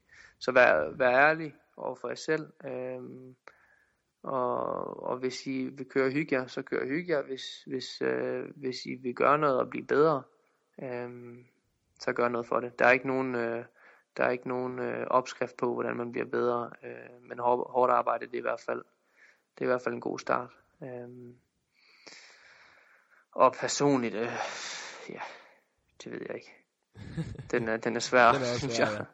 Jeg har været lidt igennem en, øh, en rushebane, synes jeg jo ikke også, fordi at, øh, at, at man har gået fra at være på toppen af verden til at, til at være en del af mængden igen, og, og, og faktisk køre rigtig, rigtig langsomt på en crosser til at starte med, ikke? Og, øhm, som har udviklet rigtig, mig rigtig meget som personligt, ikke? Men, øh, men, men, men, men, men altid bare være, øh, sætte pris på det, man gør, ikke? Altså sætte rigtig meget pris på, at, at man har de muligheder for, at man kan komme ud og, og dyrke en fed sport, som cross det nu engang er.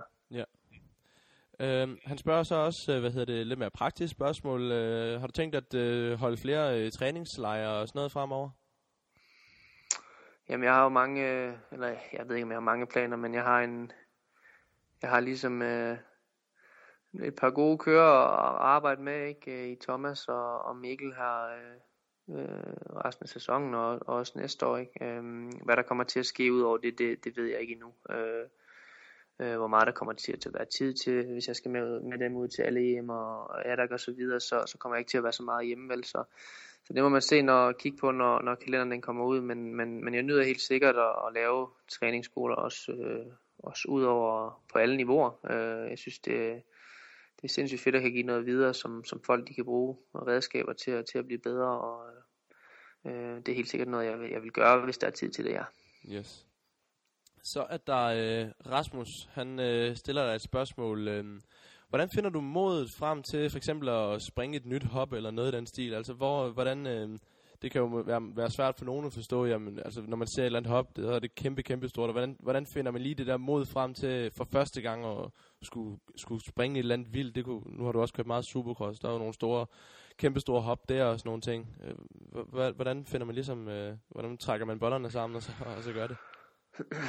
Ja, øhm, på, på de mindre cykler og sådan noget, der var jeg aldrig rigtig den, den vilde hopper og sådan noget, men jeg tror, det, jeg tror, det kommer rigtig meget med selvtillid. Øh, hvis man arbejder hårdt, så, øh, så får man selvtillid, og man, man får bedre følelse med cyklen, og, øh, og så kommer det mere naturligt. Jeg tror, at de gange har jeg i hvert fald lært mig selv, ikke? at de gange, man har været i tvivl, så har jeg ladt være. Hvis jeg føler, at det kunne lade sig gøre, hvis jeg, jeg mærker altid efter min mave, føler, at det kunne lade sig gøre, og følte, at jeg havde timing til det, så gjorde jeg det. Øhm, og hvis ikke, så, så lod jeg det være. Altså det, det synes jeg, det er en god hovedregel, ikke? at man mærker efter. Øhm, og være, igen være ærlig over for sig selv. Øhm, jeg ved ikke, om det er så meget med mod, fordi mod, det... Jo, man kan godt være modig bare at lukke øjnene og så bare holde den stram, ikke? Men, men man skal ligesom også have styr på det, for, for at det kan lykkes, ikke? Og, og det har man kun, hvis man, hvis man tror på det inderst inde. Okay. Ja, fordi jeg kan huske dengang, hvor du sprang den der, øh, hvad hedder det, triple ud på korskrogen, øh, hvor du også, øh, hvor du, hvor du sagde sådan direkte, men jeg, jeg er sikker på, at jeg kan gøre det i dag. Banen er god, og jeg, i dag er jeg sikker på, at jeg kan gøre det, og det var en, man aldrig havde tænkt på, at der skulle springes før. og så gik du ud og gjorde det, fordi at du ligesom stolede på dig selv, så, øh, så jeg kan sagtens relatere til, at, øh, at det er sådan, du har tænkt. Øh, mm. Vores gode ven Dennis Toftegård har også et spørgsmål. Øh, og han siger, det er jo naturligt at høre, hvad, hvad fremtiden bringer. På den korte bane, der ved vi jo godt, at øh, det er naturligt for dig at arbejde videre med træning og management, som du gør lige nu med, med Thomas og Mikkel. Men øh, din fremtidsplan er sådan langt ud i fremtiden. Involverer de så også øh, øh, at blive inden for branchen på den ene eller anden måde? Og, og hvis ikke, har du så andre ting, du kunne tænke dig at beskæftige dig med? Jeg håber rigtig meget, at, øh, at jeg kan blive i branchen. Jeg føler, at jeg har nogle rigtig gode kort på hånden. Øh, kender rigtig mange gode mennesker. Ikke? Øh, øh, lige nu er det, er det trænerrollen og, og lidt managerrollen, som, som jeg går meget op i nu, ikke med de to kører, jeg har nu. Men man, man ved aldrig, hvad der sker i, i fremtiden, vel? Øh, men jeg ser da helt sikkert mig selv øh, være i branchen øh, så lang tid, at jeg overhovedet kan. Jeg elsker den her sport over alt på jorden, og, og jeg føler virkelig, at jeg har meget at give øh, på den ene eller den anden måde. Og, øh, og det er helt sikkert der, jeg ser mig være. Altså, jeg kan ikke se mig, jeg kan ikke se mig andre steder end i, end i crossverden. Det, øh, det, det, det kan jeg simpelthen ikke. Øh, så så det, det håber jeg, at det lykkes for mig. Ja. Øhm, så er der Mads. Han, øh, han spørger, hvad hedder det... Øh, hvornår, øh, hvornår topper man sådan sin karriere aldersmæssigt? Kan man overhovedet sige, at, at man topper på et sted i sin alder? Øh, er det noget øh, sådan individuelt, øh, baseret på, på ens træningsstruktur? Eller er det måske noget andet? Øh, det er det første, og så anden del af spørgsmålet, der spørger han så om, jamen, vil du selv vælge vejen, den som vi måske kalder som Alton Baker-vejen, som Ricky Carmichael og Ryan Villapoto har taget, altså den her vej, hvor du, hvor du virkelig træner hårdt, hvor du måske hurtigere bliver brændt ud, eller den vej, hvor man skruer lidt mere ned og er sikker på, at man har, øh, har det sjovt undervejs, og så måske kan fortsætte nogle flere år, øh, som måske i sidste ende kan, kan koste, at du, at du ikke helt når toppen og, mister, og så mister et mesterskab. Mm hvornår man topper, det, det er jo meget individuelt, ikke? Øhm, men, men hvad er grænsen for at toppe et eller andet sted? Der er jo ikke, øh, der er jo ikke nogen grænser, medmindre man, er, man, har, man har vundet alt i, i den bedste serie i verden. Øh, altså for mig øh, synes jeg ikke rigtigt, at den, det er lidt, den er lidt svært at svare på, fordi at, at man, øh, man arbejder jo hårdt, ikke? Og øh, og det er, det er bare meget individuelt, hvordan, hvordan man ledes, og hvordan man udvikler sig også. Ikke? Øh, hvor hurtigt, hvor store skridt man tager, og, og så videre. Øhm. Ja, så både fysisk og, og mentalt, der kan du toppe på forskellige niveauer, afhængig af, hvordan du er som person, og hvordan din krop reagerer og så videre. Ja, der er bare så mange faktorer, der spiller ind. Ikke? Altså et år kan man have trænet, øh, ligesom man gør måske andre år, men der er man måske kommet ind i et nyt team, hvor man har nogle nye mennesker omkring sig, og så er der kommet ny motivation, og øh, man, man kan måske bedre lide cyklen, og så, så bliver man måske lige lidt bedre, som der gør, at man, at man måske topper helt, ikke? Øh, egentlig uden at have gjort noget anderledes. Så der er så mange, i den her sport, der er bare så mange ting, der spiller ind, for at det hele lige skal flaske sig. Øh, så derfor er det, er det lidt svært at, at, svare på, øh, hvor, hvor, hvor, hvornår man topper en eller anden sted. Øh, men, men hvad vil du så selv vælge? Vil du vælge den her vej, som vi har set Carmichael og Villapoto også nogen tage, øh, hvor du, øh, og Dungy så er i gang med nu, hvor du virkelig, virkelig, virkelig brænder igennem og, og, og træner helt ekstremt hårdt, hvor det ikke er sjovt på nogen måde? Eller vil du skrue lidt ned for det, og så måske risikere, at, der, øh, at, at du kunne miste det sidste for at tage sådan et mesterskab? Hvis vi spoler tiden tilbage til der, hvor jeg var på toppen, og jeg fik muligheden for at øh, gå de der to veje, så jeg helt klart valgt øh, valgt øh, at tage fem år, hvor jeg var den absolut bedste. Og efter de fem år, der, der vil jeg være udbrændt, og så vil jeg stoppe på toppen. Det er der slet ingen tvivl om. Øh, og så vil, jeg, så vil jeg bare køre og hygge mig resten af mit liv og købe et stort fedt hus og få alle de penge, jeg har tjent de fem år. men, men det er helt klart den vej. Altså, det, det, det synes jeg ligesom er...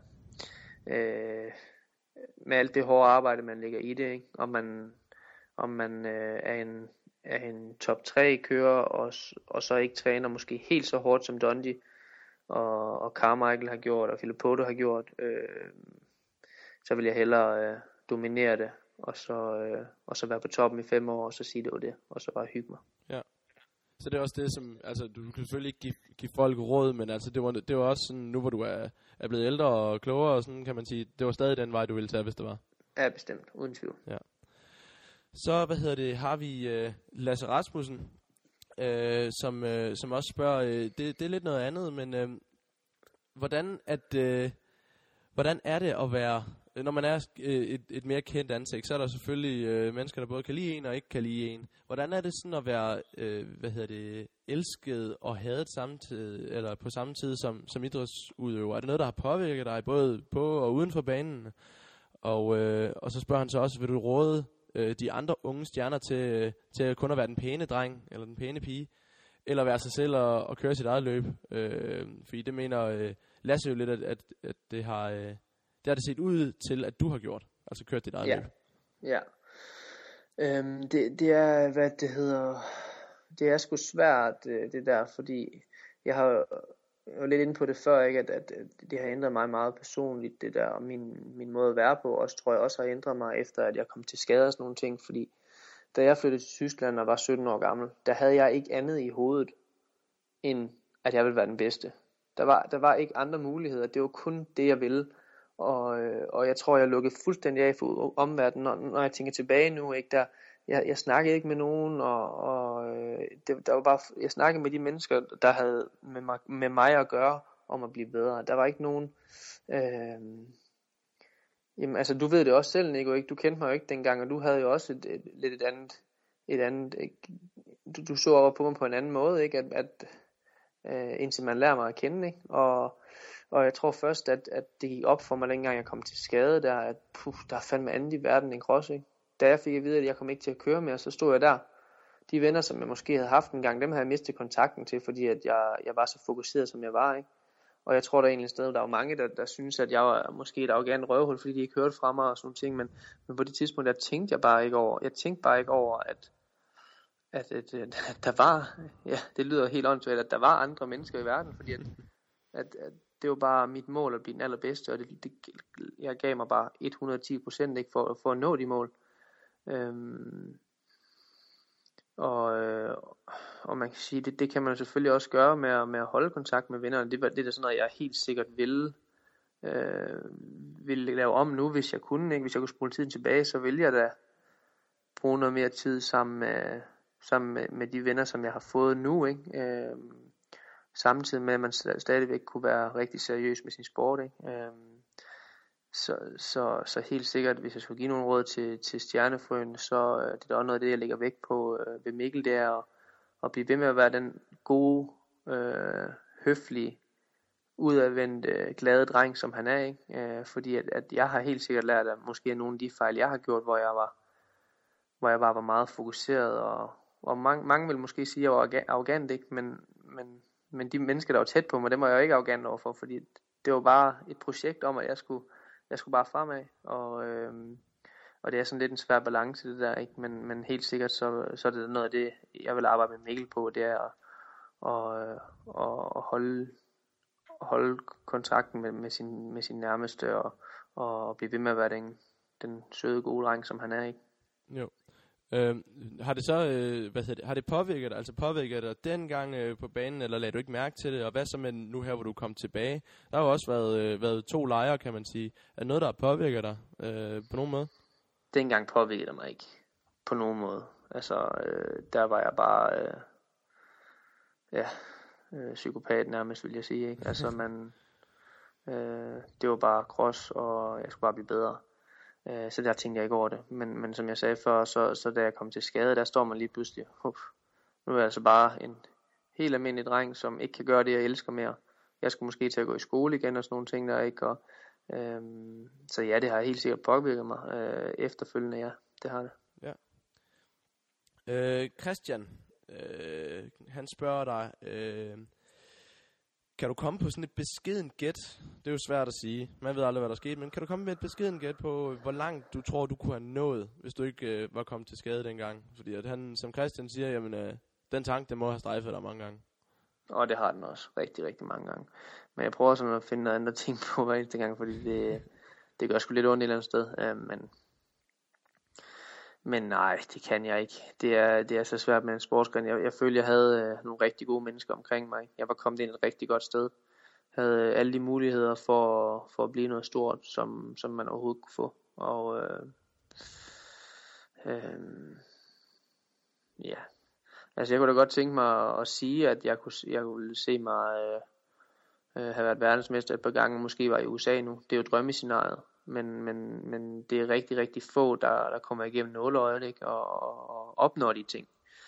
Øh, men, men om jeg havde talentet og viljen og, til at nå det, ja, det synes jeg bestemt, jeg havde. Jeg havde, det, det føler jeg helt sikkert, at, at jeg havde, ikke? men der er bare så mange ting, der skal falde på plads, for at først nogle ting, de lykkedes, så, så det er svært at sige. Øh, øh, men, men jeg kunne da helt sikkert godt tænke mig at, at se mig selv øh, være i den situation, og have vundet et par VM'er, og, øh, og måske var i USA og, og køre Supercross nu, ikke? Mm. Så øh, kom vi jo sådan nogenlunde igennem det, og, og, øh, og her på søndag, det så bliver så øh, sidste gang, vi kommer til at se dig, i hvert fald på, på højt niveau på en crossbane. Øh, der bliver ligesom lukket et, øh, et gammelt kapitel, og, og som 23-årig, så starter du et helt nyt. Øh, jeg ved, du er selvfølgelig begyndt at, at være træner og manager for, for de her to drenge, Thomas Kjær Olsen og, og Mikkel Hårup, og så ved du, at købe nyt hus, og øh, sammen med din, øh, med din kæreste, hun må vel også være glad for, at, øh, at øh, du måske får en smule mere tid til hende. Ja, øh, og gør jeg nu det? ja, men det er hun. Øh, jeg tror både øh, Stine og min mor, de er, de er, de er glade for min beslutning. Ikke? Øh, de har jo også været rigtig tæt på øh, i løbet af de her, de her år her efter, og, og set, at jeg har det svært, ikke? Og, øh, og har skulle træne meget. Og, og, det, og selvom det er gået godt, øh, ud, udefra ind, så er det jo gået godt, ikke? Men, men samtidig så, så har det også bare været sindssygt hår, nogle hårde år. Jeg har jeg har bare hængt i og hængt i, og har ikke givet op på noget tidspunkt. Og, og, øh, og det har også svært, været svært for min kæreste, og det har også været svært for, for min mor. Ikke? Øhm, så, øh, så jo, det, jeg tror, det, det kommer på et godt tidspunkt, og, og jeg er helt sikkert klar til det. Øh, og, øh, og det kan jeg sige med et kæmpe smil på, på læben. Jeg føler, at øh, jeg har fået det absolut bedste ud af, ud af, ud af det med de, med de kort, som jeg har fået tildelt ikke, efter min skade og så videre. Øhm, og noget, jeg er rigtig, rigtig stolt af. Så jeg kan helt sikkert kigge mig i, i spejlet resten af livet og sige, hvad du gjorde. Alt, hvad du overhovedet kunne øh, øh, før din skade, efter din skade, og, og mere kan man ikke rigtig, rigtig gøre, vel? Lige præcis. Jeg synes, at det var nogle rigtig fine ord at, at slutte af med. Jeg øh, er jo selvfølgelig også super, super imponeret af, hvad du har, øh, hvad du har opnået, både på, på motorcyklen og på det personlige plan. Øh, du er selvfølgelig en, et menneske, der, øh, der er en rigtig, rigtig god ven. Øh, du, øh, du hvad hedder det, er, er vældig af rigtig, rigtig mange mennesker og, og virker som en, øh, en person, som i hvert fald har en stor fremtid øh, fra, øh, foran dig med andre ting end, end lige at køre på cyklen. Jeg, øh, ja, øh, igen, jeg er et kæmpe fan og, øh, og det vil jeg sådan set altid være, og øh, jeg ønsker dig selvfølgelig super meget held og lykke. Nu glæder jeg mig sådan set egentlig bare her til på søndag, hvor vi, øh, hvor vi skal have en, øh, en, fejrings, en glad fejringsdag, forhåbentlig uden noget regn. og så... Ja. Øh, og så skal man bare øh, ja, nyde at se dig køre på en øh, motorcykel en, en sidste gang, og det håber jeg selvfølgelig også, at alle andre mennesker kommer ud.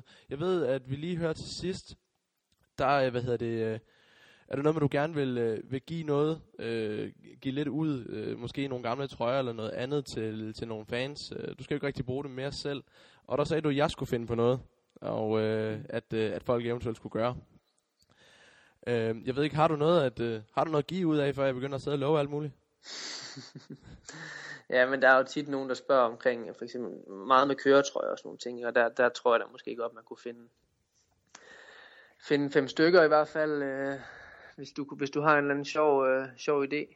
Ja, men altså, nu har jeg, jeg har taget lidt, øh, lidt inspiration over for, hvad de gør over i USA og sådan nogle ting, og det kan godt være, at der er folk, der siger, øh, øh, nu, men øh, jeg synes lidt, at hvis man har, øh, hvis man gider, og man kunne tænke sig at få en køretrøje med en autograf på Rasmus, så øh, skal man komme med øh, et eller andet, øh, det kunne være et banner, eller en øh, trøje, eller et eller andet, øh, Rasmus, øh, Rasmus Jørgensen, og øh, så kom hen til dig øh, eventuelt i pausen, ned til, øh, til teambussen, og, øh, og så kan du jo øh, vælge, om du synes, at det er noget, der er et banner eller en øh, plakat eller et eller andet, hvor der står Go Rasmus Jørgensen, som, øh, som er god nok til at få en, øh, en trøje og en autograf.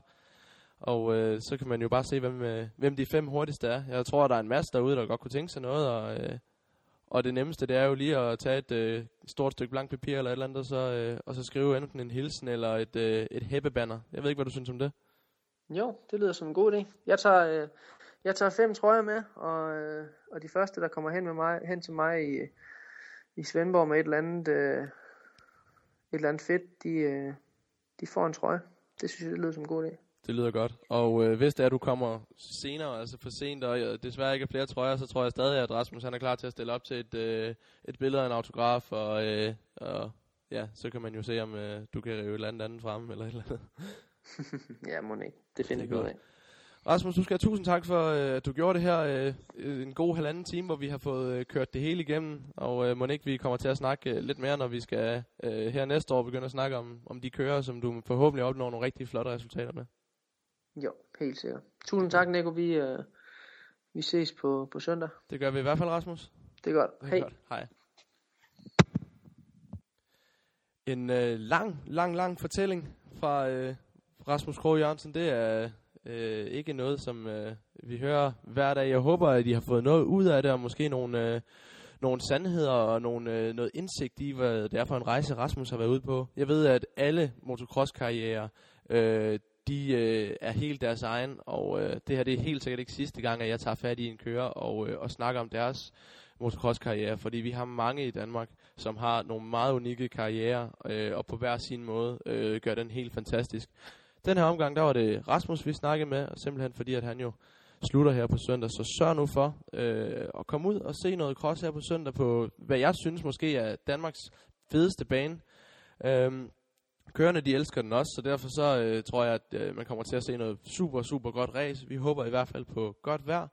Og øh, hvis det er, at I kunne tænke jer at give mig nogle kommentarer om mit øh, show, øh, et eller andet, jamen så kan man altid gå ind på min Facebook-side, den hedder crosspot mm, m.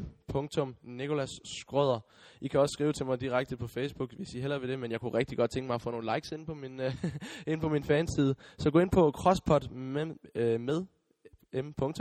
Nikolaj Skrøder, øh, og giv mig en øh, lille hilsen derinde. Al kritik, det øh, er velkommen. Jeg ved godt, at lyden det ikke er verdens bedste nu, men jeg er altså på SU-budget.